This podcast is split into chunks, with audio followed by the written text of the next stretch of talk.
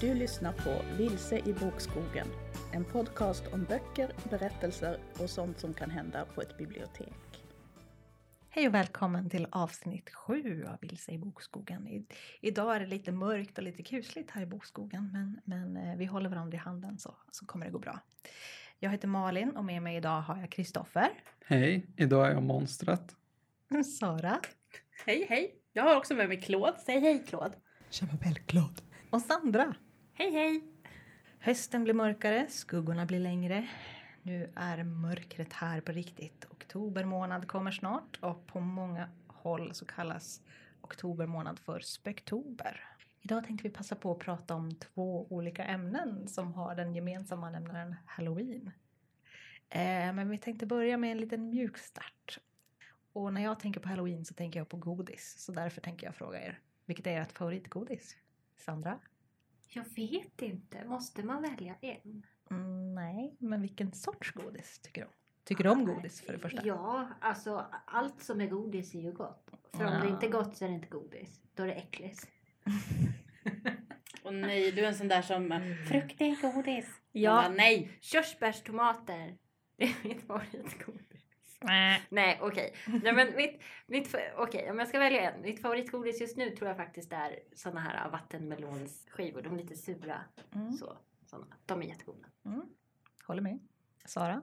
Ja, det byter ju lite då och då. Men just nu så tror jag att det är tuppla. Tuppla är bäst. Ja. Tuppla. Tuppla! Ja, Älskar tuppla. Det är gott. det betyder dubbel. Ja, det gör det säkert. Ja. Eh, jag är inte ett dugg förvånad. Eh, går att köpa på exakt ingenstans Nej. eh, i södra Sverige.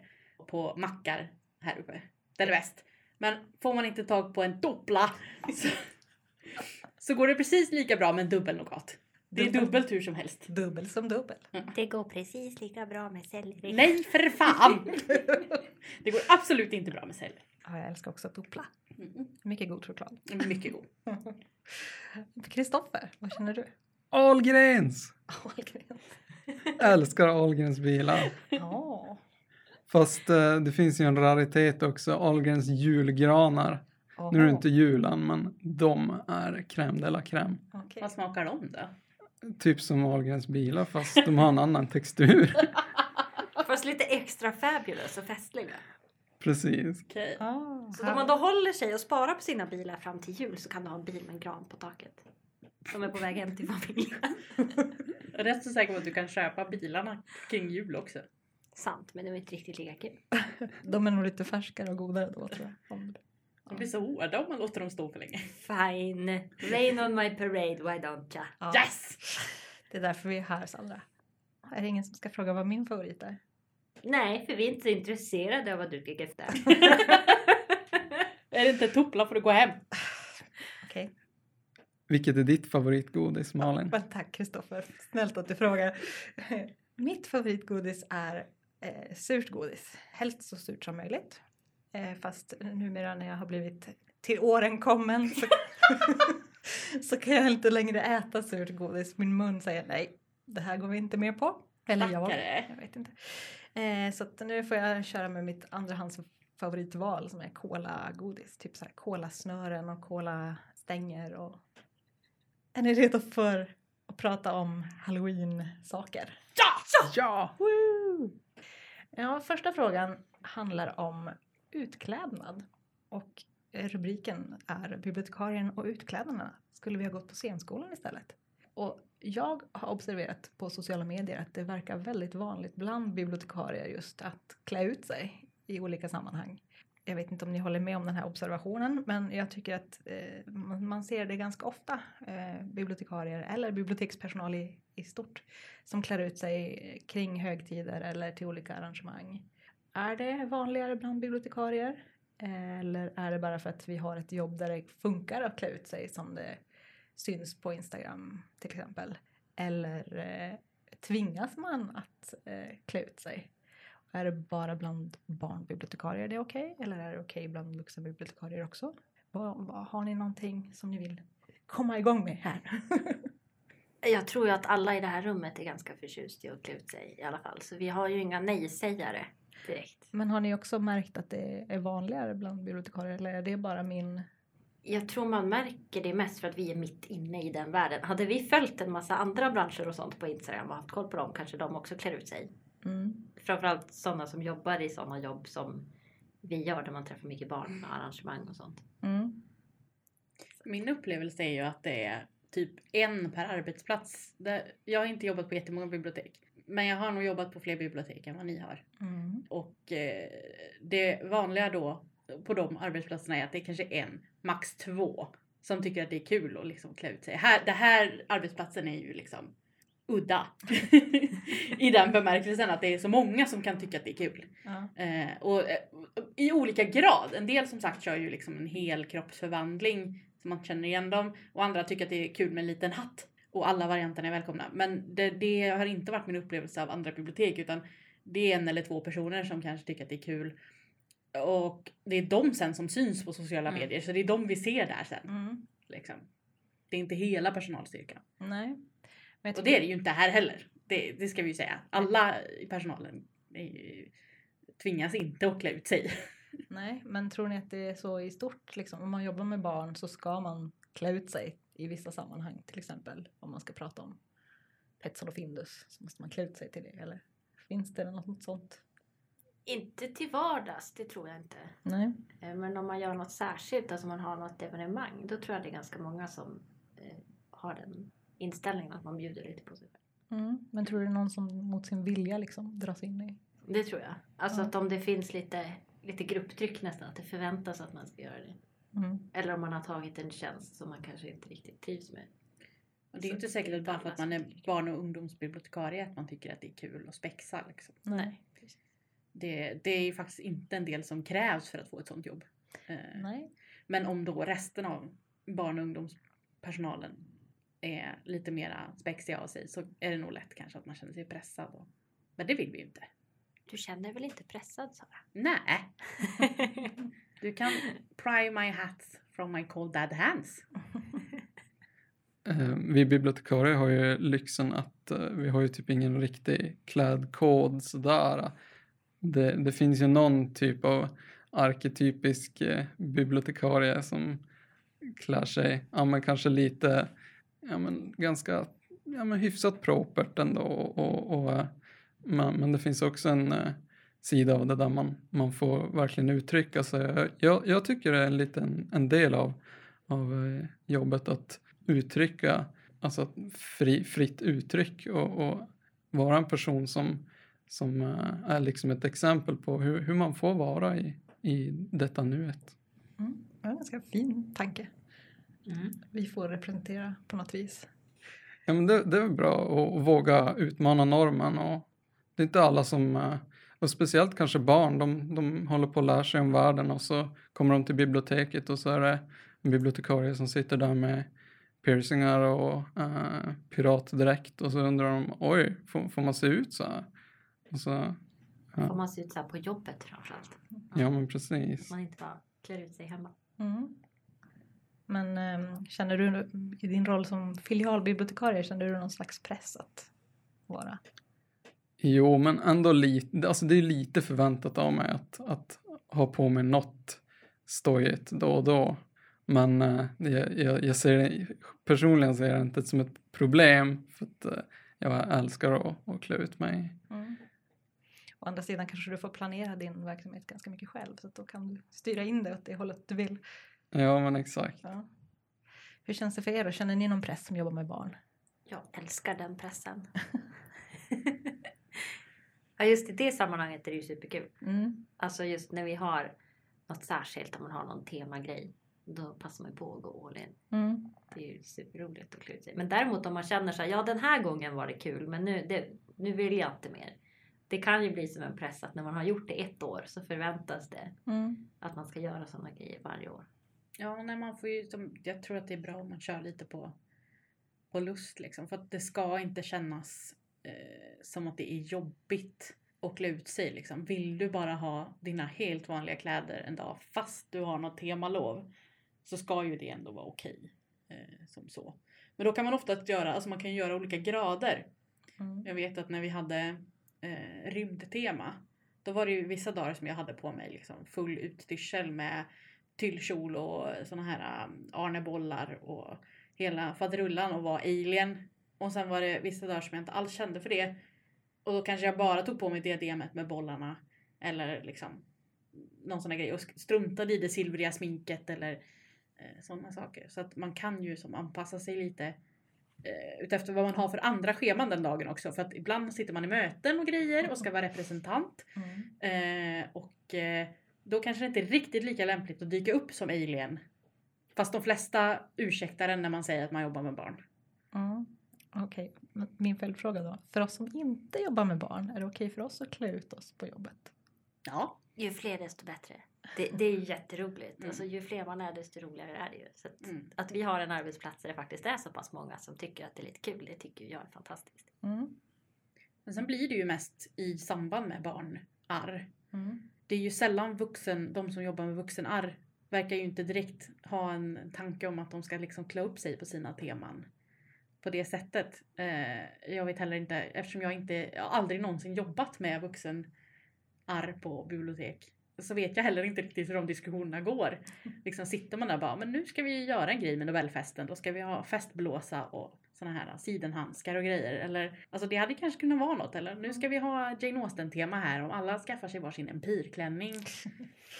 Så vore det jag toppen. hade varit på. Det hade varit ett jättebra sätt att få mig att jobba med vuxenarrangemang. Ja men precis. Det hade varit bra mycket roligare helt plötsligt. Ja. Ja, vuxenarrangemang kanske inte ofta är så, alltså, alltid så tematiserade på samma Nej, sätt. Nej, så. precis. Jag hade Nej. säkert varit jättefin i en empirklänning. Mm, det tror jag. det. Ja. Mm. Tack. Men finns det några, vad är för och nackdelarna med att, klä ut sig på jobbet? Det finns ju alltid någon som kommer in och ifrågasätter varför man har klätt ut sig. Mm. och tycker att det är lite fånigt. Det händer ju nästan varje år. Att det är någon som undrar varför det ser ut sådär. Mm. Varför gör ni sådär? Som inte ens vet att det är halloween. När man säger det, de som bara jaha. Mm. Men sen finns det ju alltid de som kommer in och tycker åh vad fina ni är, vad roligt. Vi klär ju ut oss på flera lov liksom. Så det är Mm. inte, det är inte bara halloween som, som kör för oss. Utan det är ju även, alltså är det längre lov, särskilt då temalov. För att det är roligt. Och det blir ju en fördel då att det syns väldigt snabbt vem som är personal. För det gör det ju inte alltid till vardags. Vi ser ju ut som vanliga dödliga.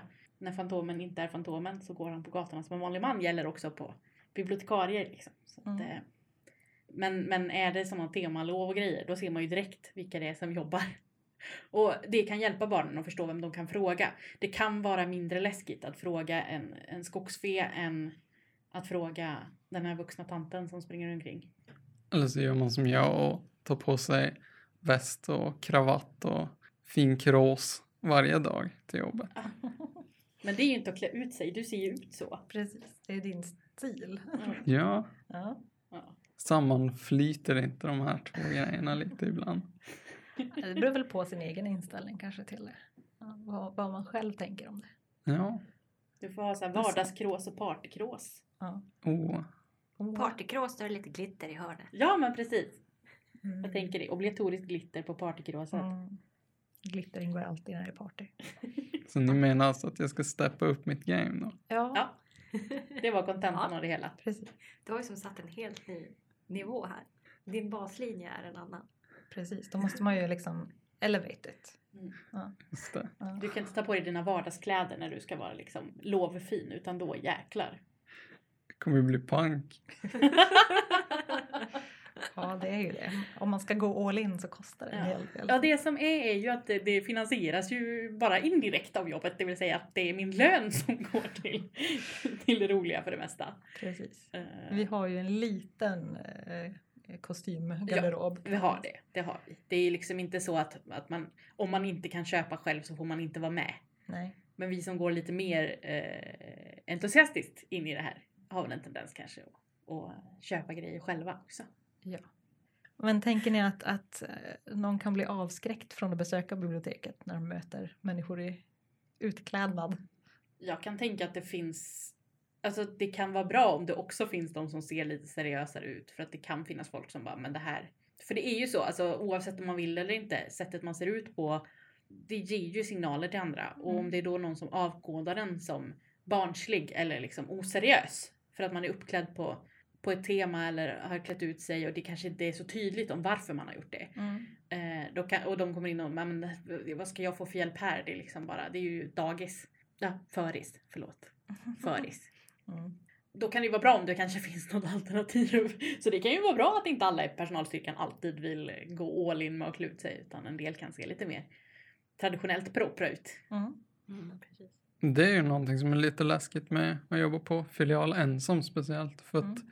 det kan ju faktiskt vara så att det, det är några låntagare där ute som kanske använder biblioteket innan jag började jobba på den här filialen som nu inte tål hur jag är. Även om jag alltid försöker vara en jättefin och snäll pojke. jag tror inte du har avskräckt någon. Alltså Så jag har ju jobbat ut på den filialen också och de älskar dig. Frågade ju var och varannan vecka när du skulle komma tillbaka. Åh, det värmer ju. Ja, och samtidigt liksom, om man till vardags inte duger då är det någonting annat Mm. som är ett problem. Liksom. Mm. Men det finns ju en annan sida av myntet också. Framförallt kring halloween kanske när folk brukar vilja klä ut sig lite läskigt. Ja. Mm. Det är ju att det finns ju de som tycker att det är obehagligt som Mm. inte törs komma och fråga Mm. om man har klätt ut sig för läskigt. Så jag försöker alltid tänka på det att jag får inte vara för läskig för att jag jobbar med barn. Ja, nej det, man vill ju inte dra på värsta zombiesminkningen. Eh, din knivhatt kanske inte hade varit den absolut bästa. Den har jag faktiskt haft på mig i Ah. rånedisken. Den i och för sig, den ser lite goofy ut så den kanske Ja. funkar. Mm. Men en mer naturtrogen hade ju inte gått. Nej, man Eh. börjar ju inte med så här silikonsår och grejer och Nej, nej. i ansiktet. Jag har ju kört så långt, jag har ju använt vampyrtänder har jag ju haft. Mm. Och det går bra. Mm. För det blir som en kul grej när man pratar och de ser att man har liksom Mm. spetsiga tänder. Mm. Eh, men då i övrigt har jag sett ganska normal ut. Så man liksom, Mm. och jag är ju väldigt förtjust i min häxhatt. Eh, där det hänger en liten spindel som heter Claude.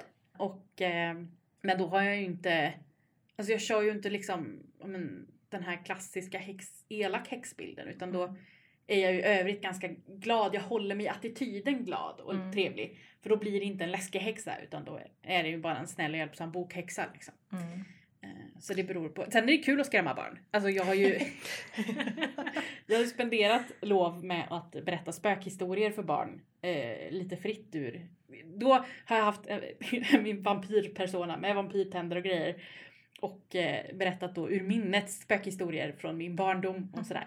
Eh, och då drar man ju i så att de blir livrädda för att det är där de, då är de där för det. Alltså de Mm. barnen kommer ju för att höra läskiga spökhistorier. Mm. Så då kan man ju dra i lite extra. Men det är ju ingenting man gör när man bara jobbar i disken och ska hjälpa låntagare och hitta rätt böcker. Då, Nej. då får man ju som dra igen det lite. Så Ja. man får ju bedöma på situationen också var- vart gränsen för för läskigt går. ja, det gäller ju att hitta balansen. Mm. Jag lyckades inte riktigt förra året med min sista eh, utklädningskostym. Jag brukar klä ut mig de fem eh, vardagarna närmast halloween. Eh, och sista dagen så hade jag en sån här marionettsminkning. Som, som, Just det. som ett litet barn tyckte var jätteläskigt. Åh, och då nej. blev jag väldigt ledsen och jag var nej, det, jag är inte läskig, jag är inte farlig. Men, men hon blev rädd för mig ändå. Så det var så Du är ju världens snällaste marionettdocka. åh. Ja. Ja. Det kändes inte jättebra i hjärtat. Men, men så ja, lite lägre nivå i år tror jag. Ja. Ja. Ja, det är sånt där man lär sig. Mm. Man får öva och testa. Och sen är ju alla barn och vuxna Mm. väldigt olika med vad, vad som tycks vara, eh, liksom vad man tycker är läskigt. Mm. Att, eh, Jag hade också klätt ut mig förra året. Mm. Eh, Samma dag som din mariet- marionettsmickning. Mm. Och så ska jag gå med boken kommer Mm. till en tant som är dryga 80 år. Men då ringde jag ju till henne innan så jag förberedde henne på att och så är jag utklädd också så att jag kanske ser lite läskig ut och inte blir rädd när jag kommer Mm. med dina böcker. Ja, det, var ju Hon om- tyckte att jag var fin så det gick bra. det var ju omtänksamt av dig i alla fall. Ja, jag tänkte efter lite före där. Ja. Vi vill inte skrämma ihjäl våra låntagare. Nej, det, det är dumt. Ja, men finns det något mer man ska tänka på när man klär ut sig på jobbet än att inte vara för läskig? Ja, alltså jag har några grejer som jag försöker, som jag liksom då, eftersom jag ändå har klätt ut mig några gånger nu. Alltså om du väljer en specifik karaktär och klär ut dig till så ska det vara någon som barnen känner till. Eller vuxna om du nu riktar dig mot vuxna. Men det gör aldrig jag. Så att, nej. För att om du klär ut dig till en karaktär, en specifik karaktär som barnen inte känner igen, då kommer de liksom inte fatta vad som händer. Man kan ju lämna sina sådana sexy polismän hemma. Eh, kanske inte så lämpligt som jobbutklädsel. Nej. I övrigt ingen dömer ingen för att klä ut sig till sex i någonting. Men kanske inte på biblioteket i jobbsyfte. Mm. Sen ska det gå att jobba i. Alltså du kan inte ha någonting som är för tight eller som, som du inte kan böja och bända och bära saker i. Som du inte kan gå i. Eh, det får heller inte bli för varmt eftersom i vårt jobb så springer vi omkring ganska mycket mellan hyllor ibland. Så att man måste liksom tänka på det. det men det är sådana här saker, små saker liksom som man lär sig att ja, men jag kan inte ha en viss typ av tröja eller en viss typ av hatt eller så för då kan jag inte göra mitt jobb utan det jobbet måste ju fortfarande komma först. Mm. Eh, och så får man planera utklädnaden kring det sen. Men i övrigt så tycker jag att man kan liksom go nuts. För det är liksom kul. Även att gö- bara göra någonting litet. Så att det, ja nej. Det är bara låt fantasin flöda. Men som sagt. Lite så här. Lite tänk så att du kan jobba i det. Och att det inte är underkläder istället för actual kläder. Och att du inte väljer en, eh, att klä upp dig till en specifik karaktär som barnen inte vet vem det är. Mm. Och sen det här lite allmänna hyfset att inte klä ut sig till någon annans kultur eller Ja, ja. Jo, nej, men gör narr av någon eller så. Utan det ska vara hjärtligt och inte... Det ska vara välkomnande liksom. Mm. Men för att svara på frågan om eh, vi borde gått på scenskolan istället så tycker jag att nej. För att scenskolan ska inte få allt roligt. Eh, så att eh, ändå rätt nöjd med att vi är här. Ja, det är din tolkning. Det är min tolkning. Scenskolan får behålla sina elever. Men de ska ge fasen i våra. Jag tänker att jag hade nog inte passat på scenskolan för jag gillar att klä ut mig men sen är jag ju som mig själv i kläderna. Jag är inte någon annan karaktär eller så. Så Jag att, eh, tycker det är ganska kul att spela en annan karaktär men extra roligt tycker jag scenografin ja, är. Alltså att pynta runt omkring. ja. Det tycker jag är det roligaste. Ja, jag är ju tvärtom. Jag tycker scenografin är ju lite småkul. Men jag tycker det är roligare att spela teater. så det är ett bra team. Mm. Kul att vi är olika. Så Sandra hade gått eh, scenograf istället. Precis, jag hade gått scenografskolan. Ja. Och vi andra kanske hade gått attributmakeri. Ja, ja, ja. Nej, nu ska vi inte få idéer. Vi ska stanna kvar i det här jobbet va? Ja, ja. Ja. Nåda den som försöker flytta på sig. Ja. Blir inget med det. Ha, men hur, hur hittar man inspiration till utklädnader? Hur brukar ni göra? Man väljer ett tema som man vill klä ut sig till. Okej. Så man börjar redan där i planeringsstadiet av evenemanget? Ja, när jag tänker när vi planerar våra lov till exempel när vi ska ha ja, men, havet är djupt Mm. eller så. Då, vi gör ju som teman utifrån det här kan vi pynta efter så att det kan bli fint och vi vet att vi kan klä ut oss till någonting här, måla Mm. fiskfjäll och på oss själva. Så Mm. sjöjungfrur. Lite Mm. så.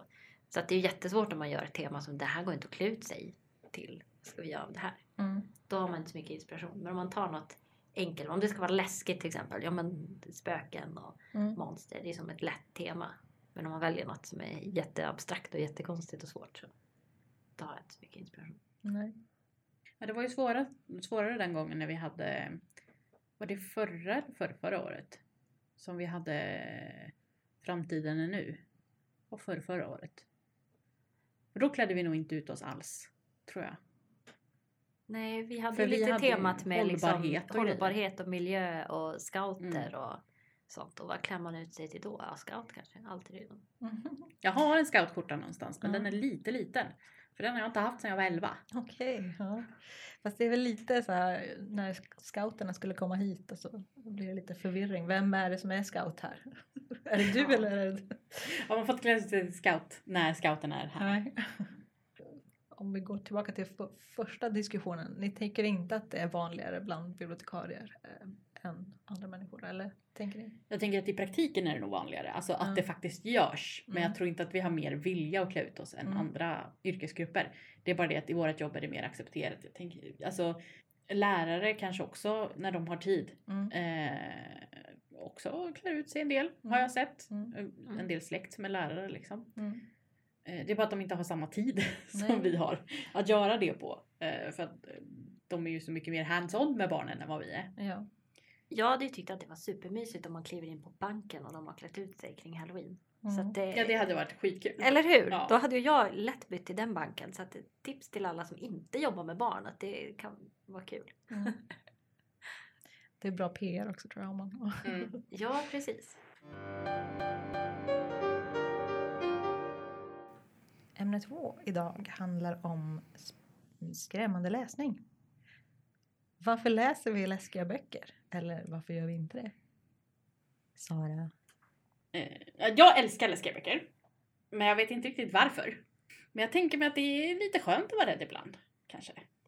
På vilket sätt? Skönt. Eh, Ja men eh, då blir så mycket bättre. Verkligheten blir så mycket bättre. Okej. När man inser att den inte är riktigt så, inte otäck på samma sätt i alla fall. Ja. Och det kan kännas ganska skönt ibland att läsa om folk som har större problem än en själv men som inte är större problem än en själv i en verklig kontext. Mm. Det är inte som att jag önskar mig att någon ska må dåligt och då vältrar mig i liksom eländes skildringar och sådär för att jag ska må bättre. Men då är det bättre när det är någon fiktiv som jagar någon typ av spöke eller liksom. Alltså, det känns skönt att det inte är jag.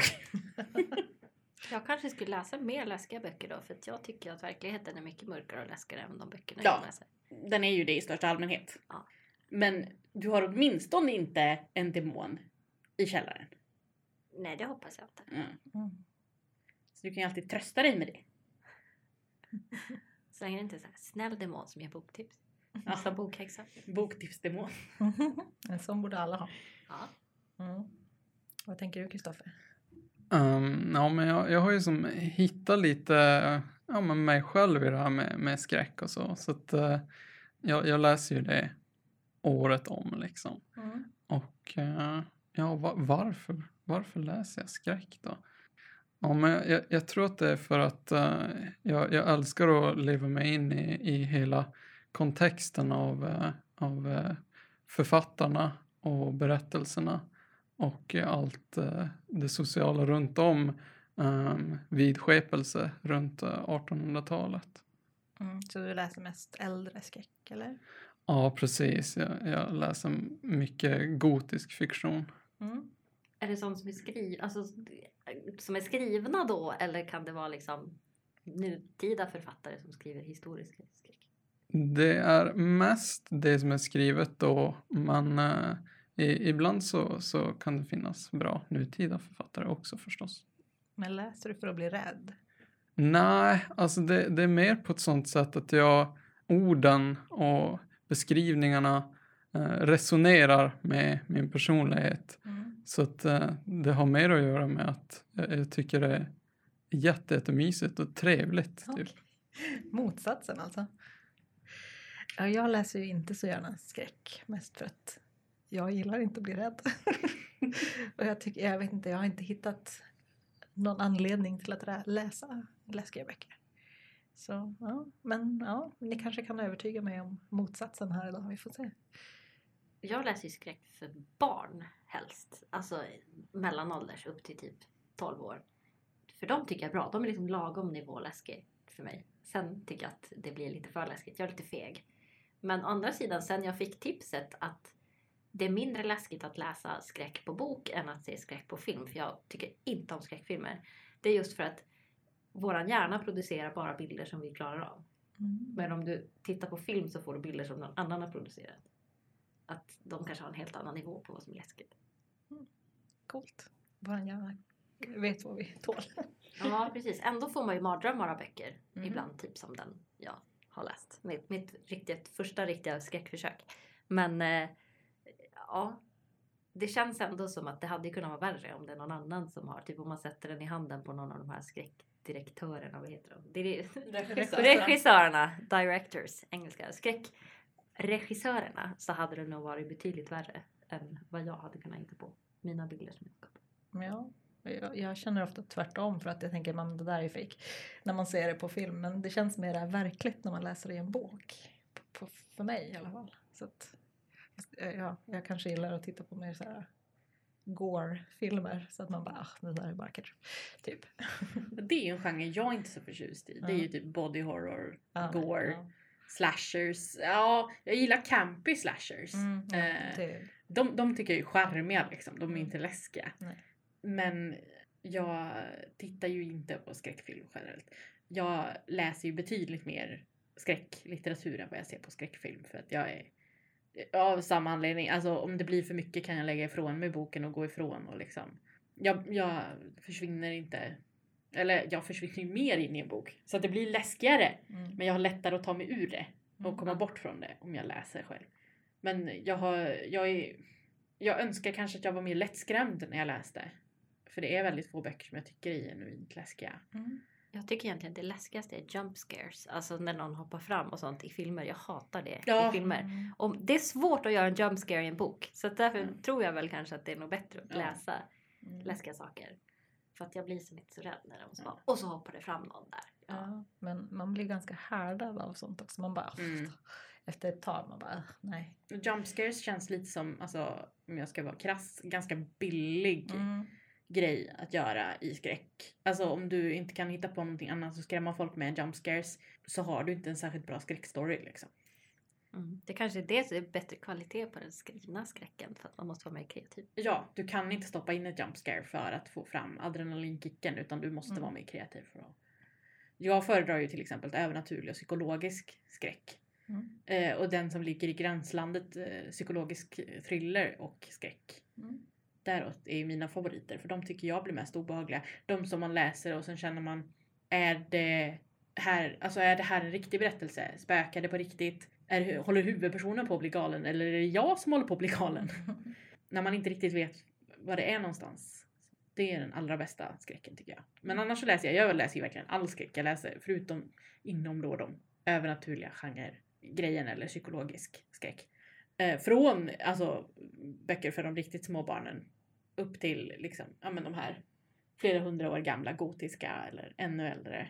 Jag gillar hela spannet. Mm. Eh, så länge det är skräck är jag intresserad. Liksom. Mm. Inte så att jag gillar alla böcker men jag, jag har ett intresse av att läsa från alla, alla de genrerna. Den genren fångar dig generellt. Ja, jag är, jag är, för att vara, jag är en fruktansvärt räddhågsen människa. Alltså jag är rädd för allt. Eh, men böcker, just skräckböcker. Jag kan inte spela skräckspel, jag kan inte se skräckfilm i så stor mån. Men böcker. Jag älskar skräckböcker. Jag ser jättemycket skräckfilm från, från det att filmer började göras till idag. Jag har sett väldigt stor procentandel av, av alla skräckfilmer. Och eh, något jag reflekterat över är att just jump scares som har kommit mer och mer på sistone. Det är ju, jag håller med om att det är som en väldigt billig eh, skrämseltaktik. Och eh, den, den bästa skräcken på film enligt mig, det, det är väl när, när det är lite mer subtilt. Alltså att någonting händer i bakgrunden som man inte riktigt vet vad det är. Och det ska inte komma monster med stora liksom, klor och, och grejer som man eh, ser. Alltså, någon, någon sa någon gång, tror det är en filmregissör, som sa någon gång att eh, om du ser hur monstret kan skada dig så är det inte läskigt. Det ska vara lite mer oklart hur den ska kunna skada dig. Mm. Jo men det är smart. För ofta när man får reda på vad det är som är, liksom är det skräckiga i boken så, eller i filmen så slutar det liksom vara läskigt. Mm. För att du har sett superskurken. Eh, det kan ju fortfarande vara en bra story för att Särskilt om det är en psykologisk thriller där de till exempel har trott att det har spökat i ett hus. Men det visar sig att det är någon som bor i väggen. Det kan ju, då handlar ju boken kanske om att bli av med den. Vad gör den i väggen? Varför? Liksom. Mm. Eh, Det kan ju bli ett morddrama eller, eller en annan typ av bok som fortfarande är bra. Liksom. Men skräcken är borta då. Ja, vi är ju rädda för det okända oftast. Jo. Men passar det extra bra att läsa skräck under höstmånaderna när det är mörkt och så lite kusligt ute? Ja, men jag tycker att vädret hjälper. Mm. Alltså när det är mörkt och särskilt när det typ regnar och lite blåsigt. Men annars egentligen det allra viktigaste för att läsa en skräckbok och hamna i bra stämning det är att du ska låta dig själv tycka att det är läskigt. För att det är som när du åker, oh gud vad heter det, berg och dalbana. Eh, om du sätter dig på berg och dalbanan och bestämmer dig för att du liksom inte ska tycka att det är lite läskigt och pirrigt. Då kommer du inte tycka att det är så kul att åka berg och. Men om du sätter dig på den och bestämmer dig för att liksom, du ska verkligen ge dig hän åt att skrika i nedförsbackarna. Och, alltså det är nästan lite fake it till you make it grej. Liksom. Mm. För då kommer du genuint tycka att det är roligare. Eller om det är den jag vet inte varför jag pratar om berg dalbana för jag hatar att åka berg dalbana. men, men principen är där liksom. Du måste ha bestämt dig för att du ska låta dig själv tycka att det är läskigt att åka berg dalbana. Eller du måste låta dig själv bli rädd när du ser på filmen eller eh, läser boken. Så när, det är ju en grej som jag då gör också. Märker, när jag märker att jag tycker att någonting är för läskigt. Då, jag, då stänger jag av och låter inte mig själv tycka det längre. Då, det är då jag börjar med ja, men det här är fejk och här ser jag liksom, här hör jag på ljudet att det kommer en jump scare snart eller Mm. sådär. Alltså jag börjar titta på detaljerna och då låter inte jag mig själv bli rädd längre.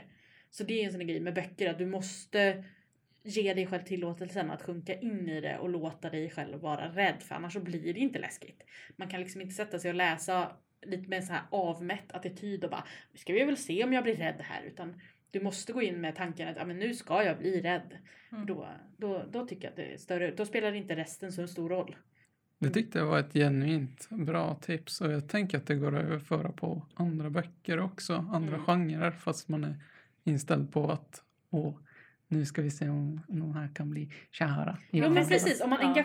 tillåter sig själv att engagera sig i ett kärlekspar i en film eller i en bok. Då kommer du tycka att den är mysigare än om du sitter där. Ja men de är så töntiga och det här är så, plotten går ju inte ihop liksom. Du Alltså, ska tänka nu ska vi bli lite pirriga och ja men kära. precis, då, då, då känns det bättre. Så att eh, jag kör den på typ allting jag läser och då, då även så här halvdåliga tv-serier eller så här dussin eh, historier bli, kan bli riktigt bra och, och liksom fylla mig med, med känslor för att jag har bestämt att den ska få göra det liksom. Det är bara du själv som vinner på det. Liksom. Ja men precis, vad vinner jag på att gå in med någon typ av attityd av att ja, nu ska vi väl se hur det här går eller liksom lite så översiktarattityd nästan. Det vinner ju inte jag någonting på. Då har jag bara slösat tid på att läsa någonting eller se någonting som, jag, som inte ger mig något. Då är det ju bättre att gå in med att men nu ska jag verkligen njuta av det här liksom. Men det hjälper helt klart om det är mörkt och regnigt och blåsigt. Ja. Lite stämning skadar ju inte. Ja, jag som läser året om, jag, jag, jag väntar ofta till, till det är mörkt innan jag läser skräck. Så på somrarna uppe i Norrland kan ni ju tänka er. Man får eh, vänta länge och läsa snabbt. Det blir bara noveller på sommaren. Precis. Skaffa så här mörker, vad heter det? Mörkergardiner. Men när jag- Mörkläggningsgardiner. när jag flyttade till Norrbotten, när jag flyttade till Kiruna, så flyttade jag ju dit i slutet av maj. Eh, och det var precis ungefär samtidigt som solen börjar vara uppe dygnet runt där. Och det ljuset som var runt 12 på natten, det tyckte jag, alltså det var bland det läskigaste jag varit med om. För det är helt ljust men du ser inte solen och det är helt öde. Alltså det var så, det var sån skräckstämning så då spelade ingen roll om det var mörkt eller inte för det var en så, det är sån öde stämning. Så jag kan ändå rekommendera att läsa skräck mitt i natten i Norrbotten om det är helt folktomt för det, det blir sån konstig zombiekänsla över det hela så det är inte sant. I alla fall om man är ovan och inte uppvuxen här. Mm. Annars får jag rekommendera kuddfort eller källare. Ja, källare är bra alltså. Ja. Eller garderober om man har en tillräckligt stor att sätta sig och läsa i. Det gjorde jag när jag var liten. Eh, då tog jag läskiga grejer och gick in i garderoben och satte mig för jag hade en sån lite mindre walk-in closet i mitt rum. Eller i bastun, det gjorde jag när jag var Ja, bastu går också bra precis. Mm. Fan vad norrländskt. Fast då var den avstängd så det var inte varmt där inne. Men apropå det, finns det någon särskild plats där man ska läsa skräck? Ja, i bastun. Ja. Garderoben. På parkbänk ute mitt i natten på sommaren när det inte är människor ute. Och dimman rullar in. Jag gillar att läsa skräck. Om man ska läsa sån mitt i natten skräck när man sitter utomhus på sommaren. Så på altanen. Eller balkongen beroende på vad man har. Så man är som lite trygg hemma. Men Mm. eh, man är också lite ute. Och kan höra liksom nattfåglar. Och, och den här enstaka bilen som kör förbi. Mm. Ja, Jag sitter nog egentligen gärna på soffan med en alternativt två katter. Så man har lite sällskap. För att jag tycker inte om att läsa, framförallt om det ska vara läskiga saker. Då vill jag inte läsa precis när jag ska sova för då blir det läskigt. Det gjorde jag så. Det är ingen bra idé. Men eh, ja, helst vill jag inte läsa när jag ska sova för då tar jag med mig det i sömnen. Då läser jag hellre läskiga saker mitt på dagen när det ändå är lite mörkare. Mm. Jag brukar äh, krypa upp i karmstolen i mitt bibliotek och eh, tä- tända min renässanskandelaber. Och då, då får man den här perfekta stämningen. Ja, då blir det stämning. Det lät som att stämningen är på topp. Vi kanske ska ta skräckbokcirkeln hos Kristoffer så sitter vi där allihopa och läser i varsitt hörn. Jag som inte gillar skräck, jag läser ju dem helst mitt på dagen när det är soligt och varmt ute så att jag inte behöver känna mig Men rädd. känns det extra läskigt då brukar jag gilla att gå och sätta mig hos någon annan. Liksom, Ja. I ett rum där någon annan redan är. Mm. Då- jag tog ju faktiskt med bättre. mig den här boken som jag läste som var superläskig. Jag tog med mig den hem till mamma och pappa när jag Mm. skulle dit och äta middag. Och så läste jag, för, för nu tror jag att jag kommer till ett ställe där det kommer vara läskigt så jag tar med mig den så läser jag den här när ni är här. För att jag inte ska vara själv och Mm. drömma mardrömmar. Ja. Det är väl lite som eh, Joey i Friends som lägger The Shining i frysen liksom för att där, där kan den inte skada någon. Ja. Lite så. Ja. Sandra, vad, vad har du läst som var så himla läskigt? Som du har hintat om? Eh, ja, alltså jag kom ju på fler som jag faktiskt har läst som var läskigt. Men den som jag har pratat om som jag tyckte var superläskig, den heter The Diviners av Libba Bray. Och det är ju en ungdomsbok så jag tänkte liksom att hur läskigt kan det vara? Den ska jag väl eh, våga mig på. Trots att jag har sett folk på Youtube som har läst den här som säger att "Ah, jag vet inte om jag eh, liksom ska läsa färdigt den här för att den var lite för läskig för mig. Men jag kände så bara, men herregud, hur läskigt kan det vara? Jag måste prova.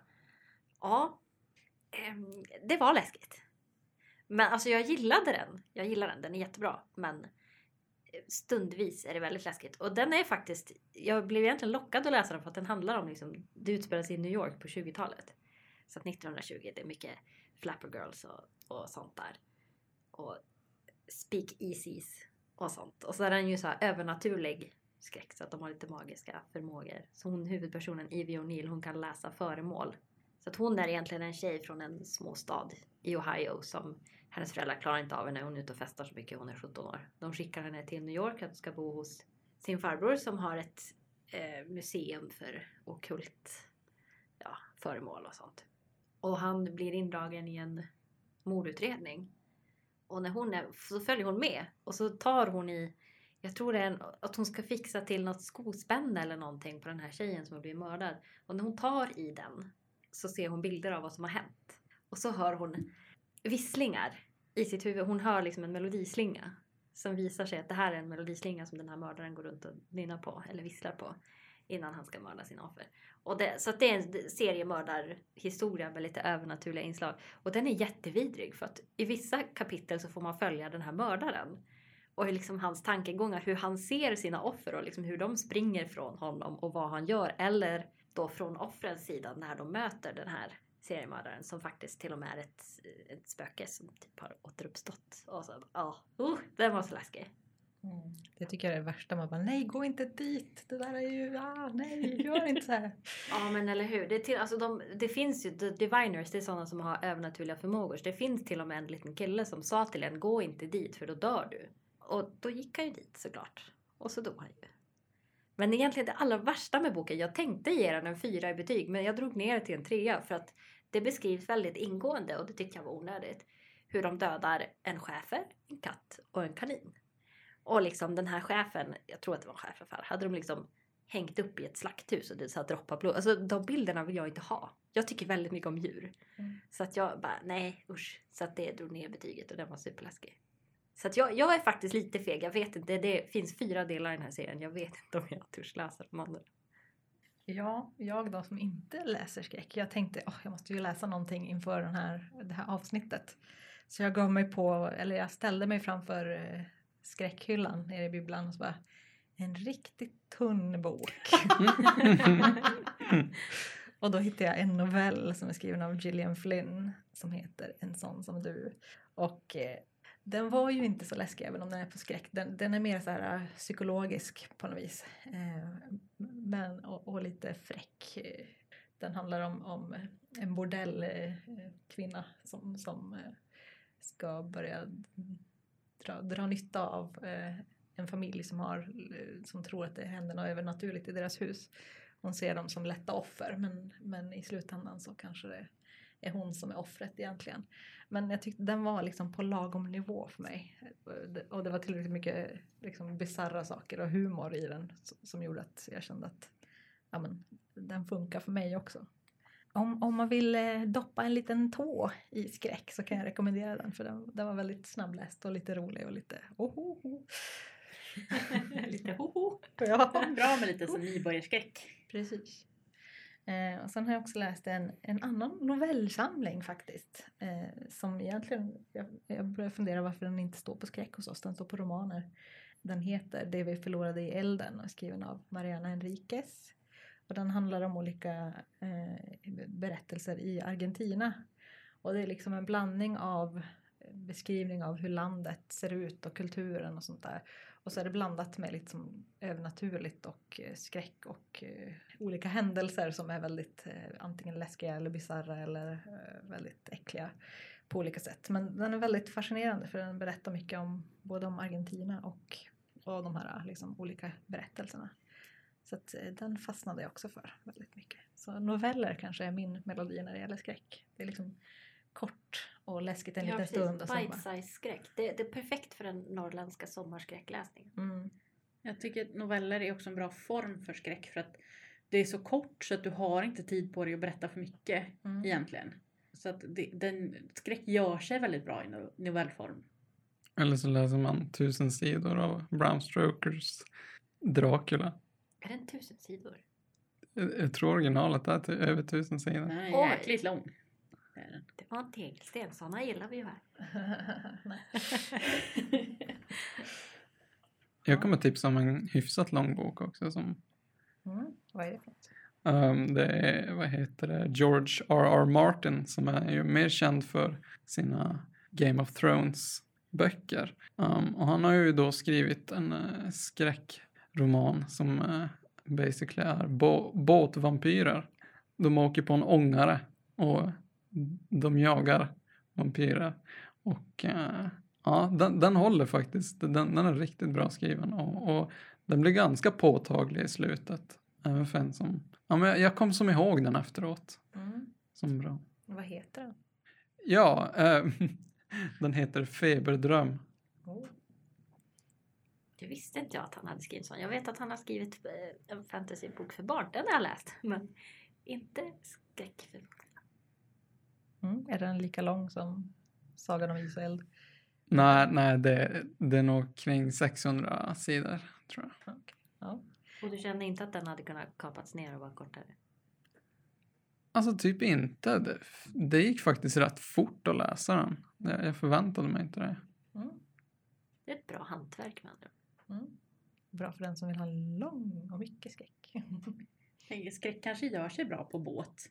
Jag tänker som ett av mina favorittips är ju liksom, jag sätter ju alltid färjan i händerna på folk av Mats Strandberg. Som också är en sån contained liksom skräck på Finlandsfärja. Man kommer ju inte därifrån. Så det... Nej men precis, jag tänker att det, det är här eh, bra ställe att, att ha skräck på. Tåg kanske också vore något. Tåg och båt. Sånt som du inte bara kan hoppa av i farten och klara dig. Mm. Flygplan. Mm. Och det vore något. Mm. Där hoppar du inte gärna av för då dör du. Ja. Om du inte har fallskärm. Sara, har du något supertips här? Ja, ja, det är ju typ allt av Mats Strandberg. Alltså färjan, hemmet eh, främst. Sen gillar jag också konferensen, men den är ju en typ av skräck som jag inte eh, tycker är så läskig, för det är ju en slasher liksom. Mhm, mm. Eh, och den är ju skriven i samma ven som de här uh, campy slasherserna. Så den var jag ju aldrig rädd när jag läste. Men den är fortfarande bra. Eh, men, men just färjan och hemmet, då var jag rädd. Eh, men sen så om man tänker på det här som jag pratade om tidigare. Om att man inte vet om det är en själv eller huvudpersonen som är galen eller om det är något spökigt på gång. Så eh, läste jag för några år sedan Sjuka själar av Kristina Olsson. Mm. Hon gjorde sig ut namn då med att skriva deckare för vuxna och sen började hon skriva skräck för barn. Eh, och sen skrev hon då den här halvskräck liksom för vuxna. Eh, som jag tyckte var jätte, jättebra. Just för att det, och det är en psykologisk thriller liksom och du vet inte om den är övernaturlig eller om den bara är om det bara är någon som håller på att tappa det liksom. Och den höll spänningen verkligen ända in i sista kapitlet. Mm. Till skillnad från en annan bok som jag läste nu i somras som heter Nida Mörkur. Och nu kommer jag inte ihåg vad han heter som har skrivit den. Ja, det länkar vi. Det länkar vi. Vi länkar eh, till det. Eh, Nida Mörkur i alla fall. För den blev som en enda lång upptakt. Eh, den bygger på och bygger på att det, ska, kanske, att det kanske är något läskigt. Kanske är någon som är utbränd. Eh, och sen när det börjar bli riktigt spännande då tar den slut. Där tycker jag liksom till exempel att Sjuka själar höll bättre. Nina Mörkur är absolut inte en dålig, dåligt skriven eller sådär. För den, det, det är en jättefin bok. Alltså som i språket är jättefint och det är liksom. Men den kändes som den tog slut när det läskiga började. Och det kanske en del gillar. Men jag tyckte att det var, det liksom, den, var, den sa för lite. Risken med skräck är att du kan säga för mycket men det kan också säga för lite för att det ska bli, hinna bli läskigt. Så då, då läser jag hellre Sjuka själar en gång till även om jag nu vet vad som händer. Men för barn finns det också jättemycket bra. Dels så Kristina Olsson har ju skrivit skräck för barn. Men en annan favorit för barnskräck är ju Lena Olmark. Mhm. Hon skriver ju fantastiskt läskiga böcker. Alltså bland de läskigaste böcker jag har läst alla kategorier, eh, både för vuxna och barn, är ju Filmbarnen-serien. Särskilt första boken Inmurade. Som är liksom, det är som klassisk spökhistoria. Det är barn, eh, deras skola renoveras. Så de har tagit upp ett in, igenmurat rum i källaren för att ha träslöjdssal där. Och barnen börjar skada sig. Alltså det är, och grejen med Lena Olmark är att hon vågar ta i. Hon förstår att barn gillar att bli rädda på riktigt när de vill bli rädda. De väljer en skräckbok för att de vill tycka att det är läskigt. Så hon tar som i. De här barnen skadar sig på riktigt eh, i diverse träslöjdsmaskiner och det är liksom, det spökar. Alltså den är riktigt otäck. Den här är kanske 9 till 12. Sen finns det en som är marknadsförd 9 till 12 men som jag tycker är alldeles utmärkt att läsa för lågstadiebarn som är lite modigare. Det är ju den eh, förskräckliga historien om Lilla Hon. Som är också en jättebra bok om en tjej som är mobbad. Och eh, blir inlåst på vinden. Och får gå på äventyr och spöken. Som är, den är också, alltså den, den lyckas hålla balansen av att vara läskig på riktigt. Och utan, utan att liksom tippa över. Eh, så jag tycker hon skriver jättebra skräck för barn. Den boken eh, om Lilla Hon, den är ju faktiskt 6 till 9 år egentligen. Det är vuxna som tycker att hennes böcker är Ja. läskiga och har flyttat upp den. Precis, den, den, eh, för jag kommer ihåg att hon pratade om den när jag jobbade i Vänersborg tror jag. Då skulle den komma ut precis när hon var och hälsade på en massa elever i Vänersborg. Och då sa min kollega att hon hade sagt att hon skrev en för just 6 till 9-åringar. Men sen när den kom i listan, eh, alltså i våran inköpslista och när den marknadsfördes från förlag och sådär så marknadsfördes den för 9 till 12. Eh, och jag tyckte det var så konstigt för att den är så, när man läser den så är den så uppenbart riktad mot yngre barn. Tycker jag då. Men jag kan förstå att man ville flytta upp den om man tyckte den var för läskig. Men jag tycker inte att den är för läskig. Utan det är ju bara, alltså som vuxen måste du vara medveten om att det är en på riktigt läskig bok som ditt barn väljer. Så att se till att ditt barn klarar av det. Liksom. Det är väl det med hennes böcker. Det är samma sak. Det var några som flyttade upp den här Filmbarnen-serien till tonår istället för att ha den på, på mellanålder som, som den är, egentligen är riktad emot för att de tyckte att den var för läskig. Men jag tycker att det är, alltså det är bra skräck. Och eh, jag tycker att den är hanterbar för de barn som klarar av skräck. Sen är det ju inte alla barn som gör det. Men då bör de inte vara kanske och välja böcker på den hyllan till att börja med. Så att det gäller ju bara att vara en medveten vuxen när man har skräckälskande barn. Men det är alltså inte en bok man ska börja med om man ska testa skräck. Nej. Det känns som att man ska inte. vänta med Lena Olmark överhuvudtaget. För det, det, Ja. den diskussionen är ju som kring alla hennes böcker Ja. för barn. Att folk vill peta upp den, att den Ja. passar äldre barn än vad hon har tänkt. Men hon är en fruktansvärt bra skräckförfattare. Ja. Så att eh, även jag då som vuxen och vaccinerad tycker att de är skitläskiga. Men sen är också, alltså om man vill ha mer barnvänlig skräck som också var skitläskig på sina ställen så är ju Pax-serien någonting. Ja. För barn. Åsa Larsson, Ingela Korsell, Henrik Jonsson. Och den som jag tycker är allra läskigast är bok tre, Mylingen. Ja, Mhm. En Usch. myling är ju då ett barnspöke som inte har blivit döpt och sen typ begravd på fel ställe och grejer. Mördad av en, sin förälder och sen begravd eh, utanför vigd jord och sådär. Så att det är som då kommer tillbaka och spökar. Så tredje boken i den serien är så förbannat läskig. Mm. Alltså verkligen. De första var lite så här mysrysiga men sen tredje boken, huh! precis. ja, det kände jag också. Ja, det är så olika för jag tycker den första boken är den läskigaste. Jaha. Men jag tycker, eh, fast den är lite för blodig för min smak. Så Mm. att det kan vara det som gör att den Mm. kommer högre upp i listan. Men den tyckte jag var riktigt, jag tänkte jag läser barn här, oj Mm. hjälp.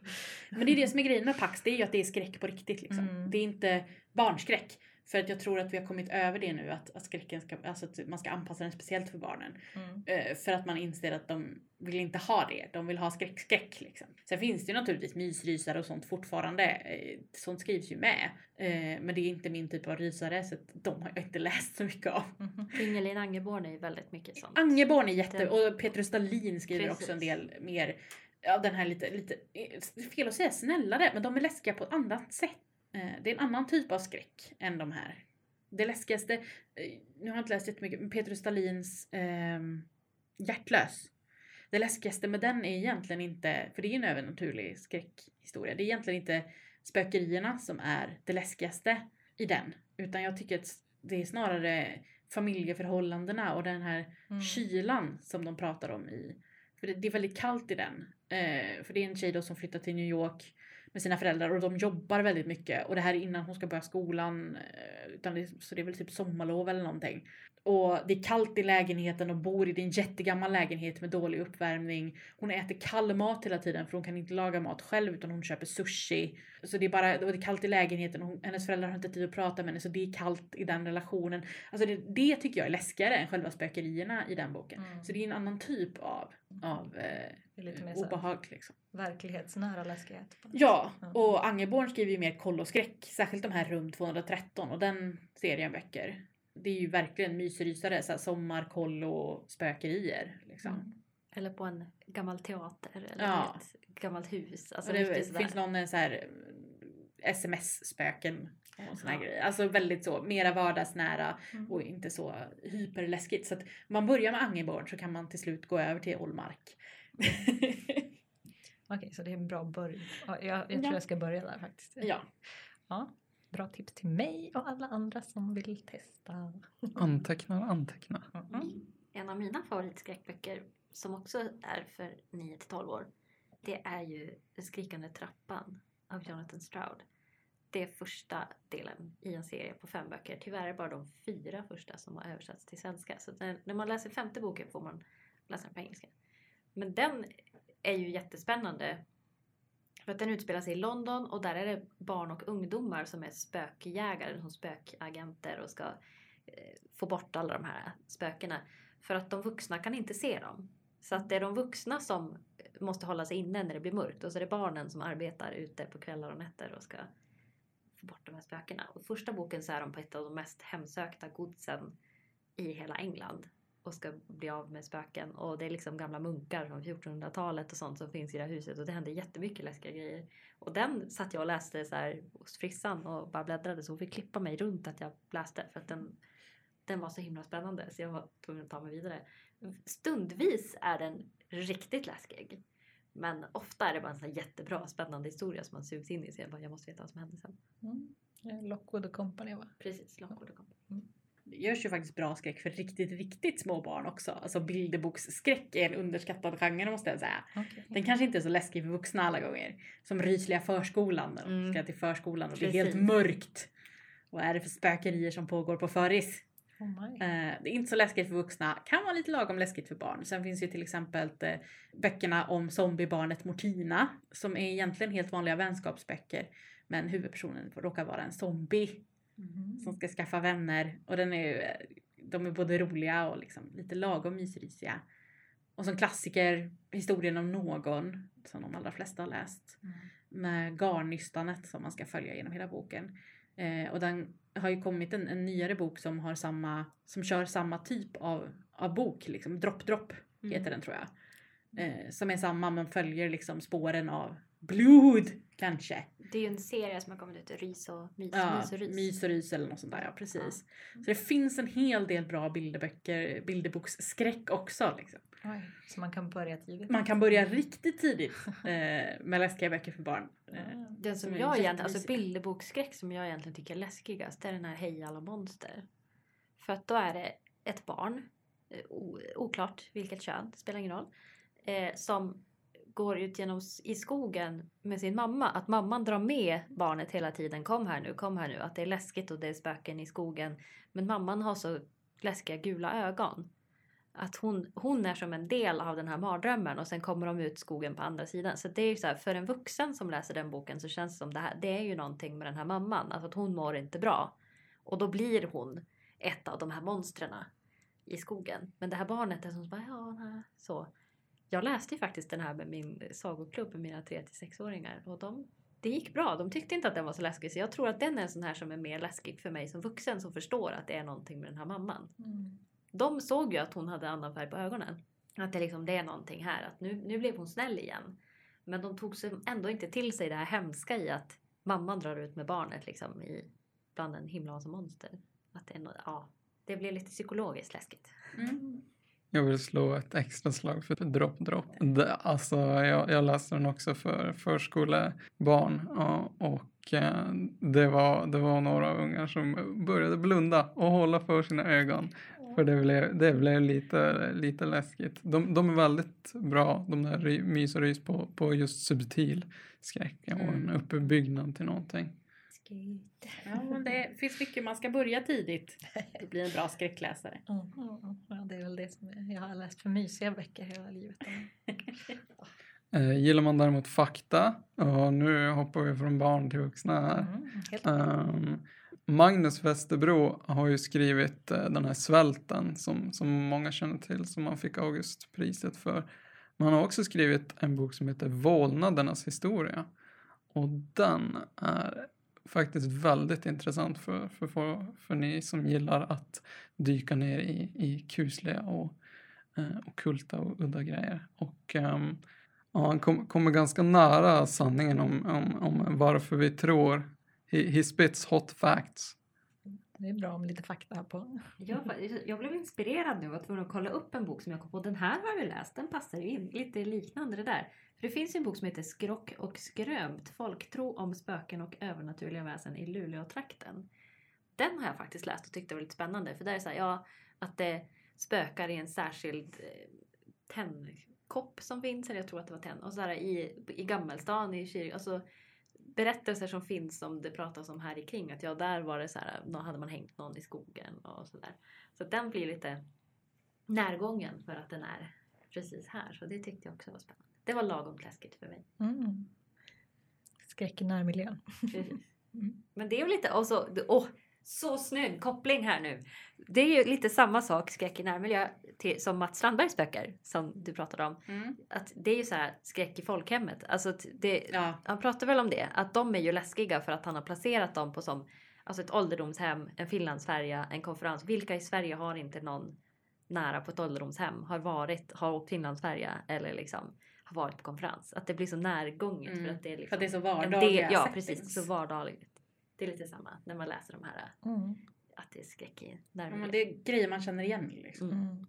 Men på tal om vardagligt så kan man ju eh, snyggt glida in på creepypasta som nu inte riktigt är, det är inte så utgiven eh, litteratur ofta utan det är som skrivet av människor på internet som delar ehm, lite stories och, och, och de här delas runt i all evighet och det finns typ ingen copyright oftast men ja, det, det har blivit väldigt populärt på sistone och då, då vill jag tipsa om en creepypasta som jag läste, eller som jag lyssnade på. Och den heter The Left Right Game. Och det, det här finns på Youtube då. Och jag och min sambo lyssnade på den här medan vi körde bil. Och uh, The Left Right Game är, uh, handlar om eh, hur eh, ett gäng i olika åldrar åker eh, baserat på en skröna ut efter en specifik väg. Och sen så när de har kommit till ett visst ställe så måste de börja svänga varannan vänster, varannan höger. Och till slut så börjar det liksom hända grejer. Och här har vi verkligen här, det subtila vi har pratat om tidigare. Att det första som händer det, det är liksom att Eh, någon säger då i radion, för de har komradios och deras bilar är liksom utrustade ganska eh, mycket eh, för, att, för att klara den här resan. Och, och då säger någon på komradion att um, snart så kommer en, en hitchhiker och vill jag hoppa på. Uh, ni ska ta med han, men ni får inte pr- svara på någonting han säger, ni får inte prata med han. Och den här stämningen som råder medan den här hitchhikern är, är där inne, den är väldigt så här uh, obehaglig. Man, man har ingen aning om vad som händer ifall man råkar svara på någonting och sådär. Och sen byggs det liksom på med olika grejer. Så att när, när man sen kommer in i staden, uh, nu ska jag inte spoila något mer, men, men där blir det alltså, man, man blir riktigt äcklad nästan. Det, det är så obehagligt. Jo, jag har lyssnat på den podcasten och den är riktigt bra. Är den. Mm. Mm. Jag tror inte det är något för mig. Jag är för feg. Jag tror också jag hoppar den tills vidare i alla fall.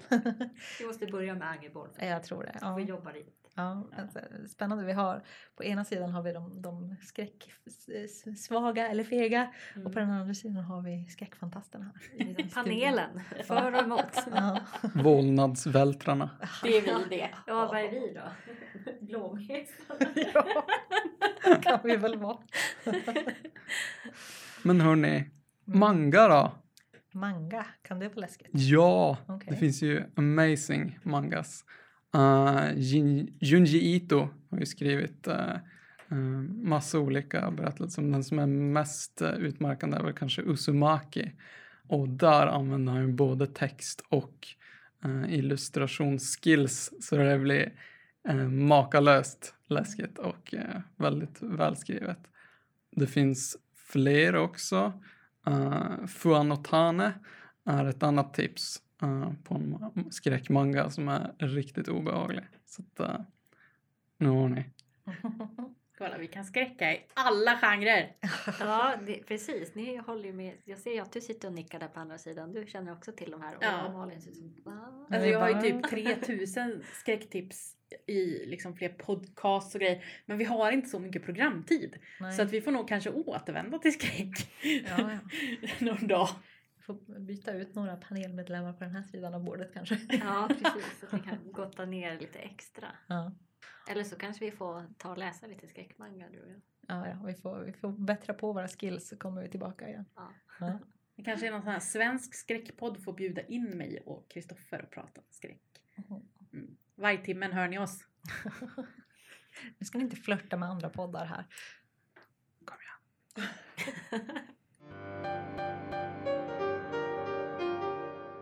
Då är den stora frågan, är det läskigt i bokskogen den här veckan? Eller var har du gått vilse Sara?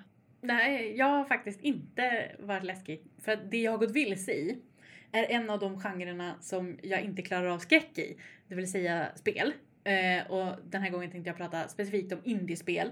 Och specifikt, specifikt om indiespelen i en eh, välgörenhetsbundle av spel som jag köpte förra året från Itch itch.io.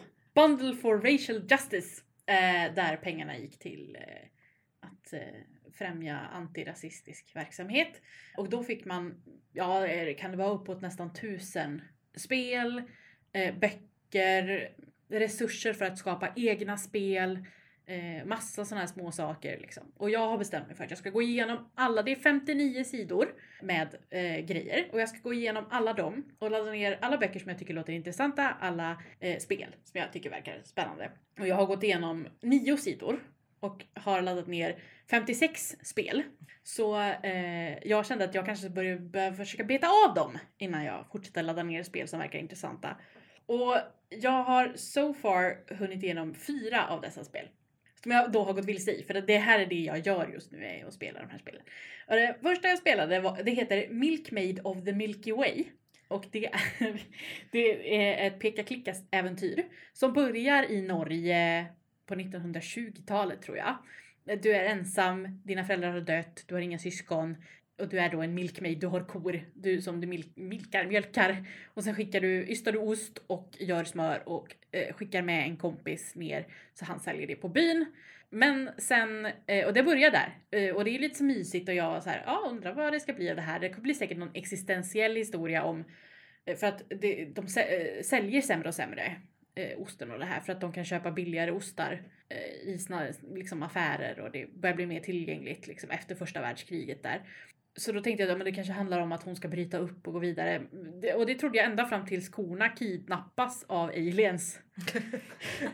och sen blev det science fiction av det. Alltså jättekul spel. Ja.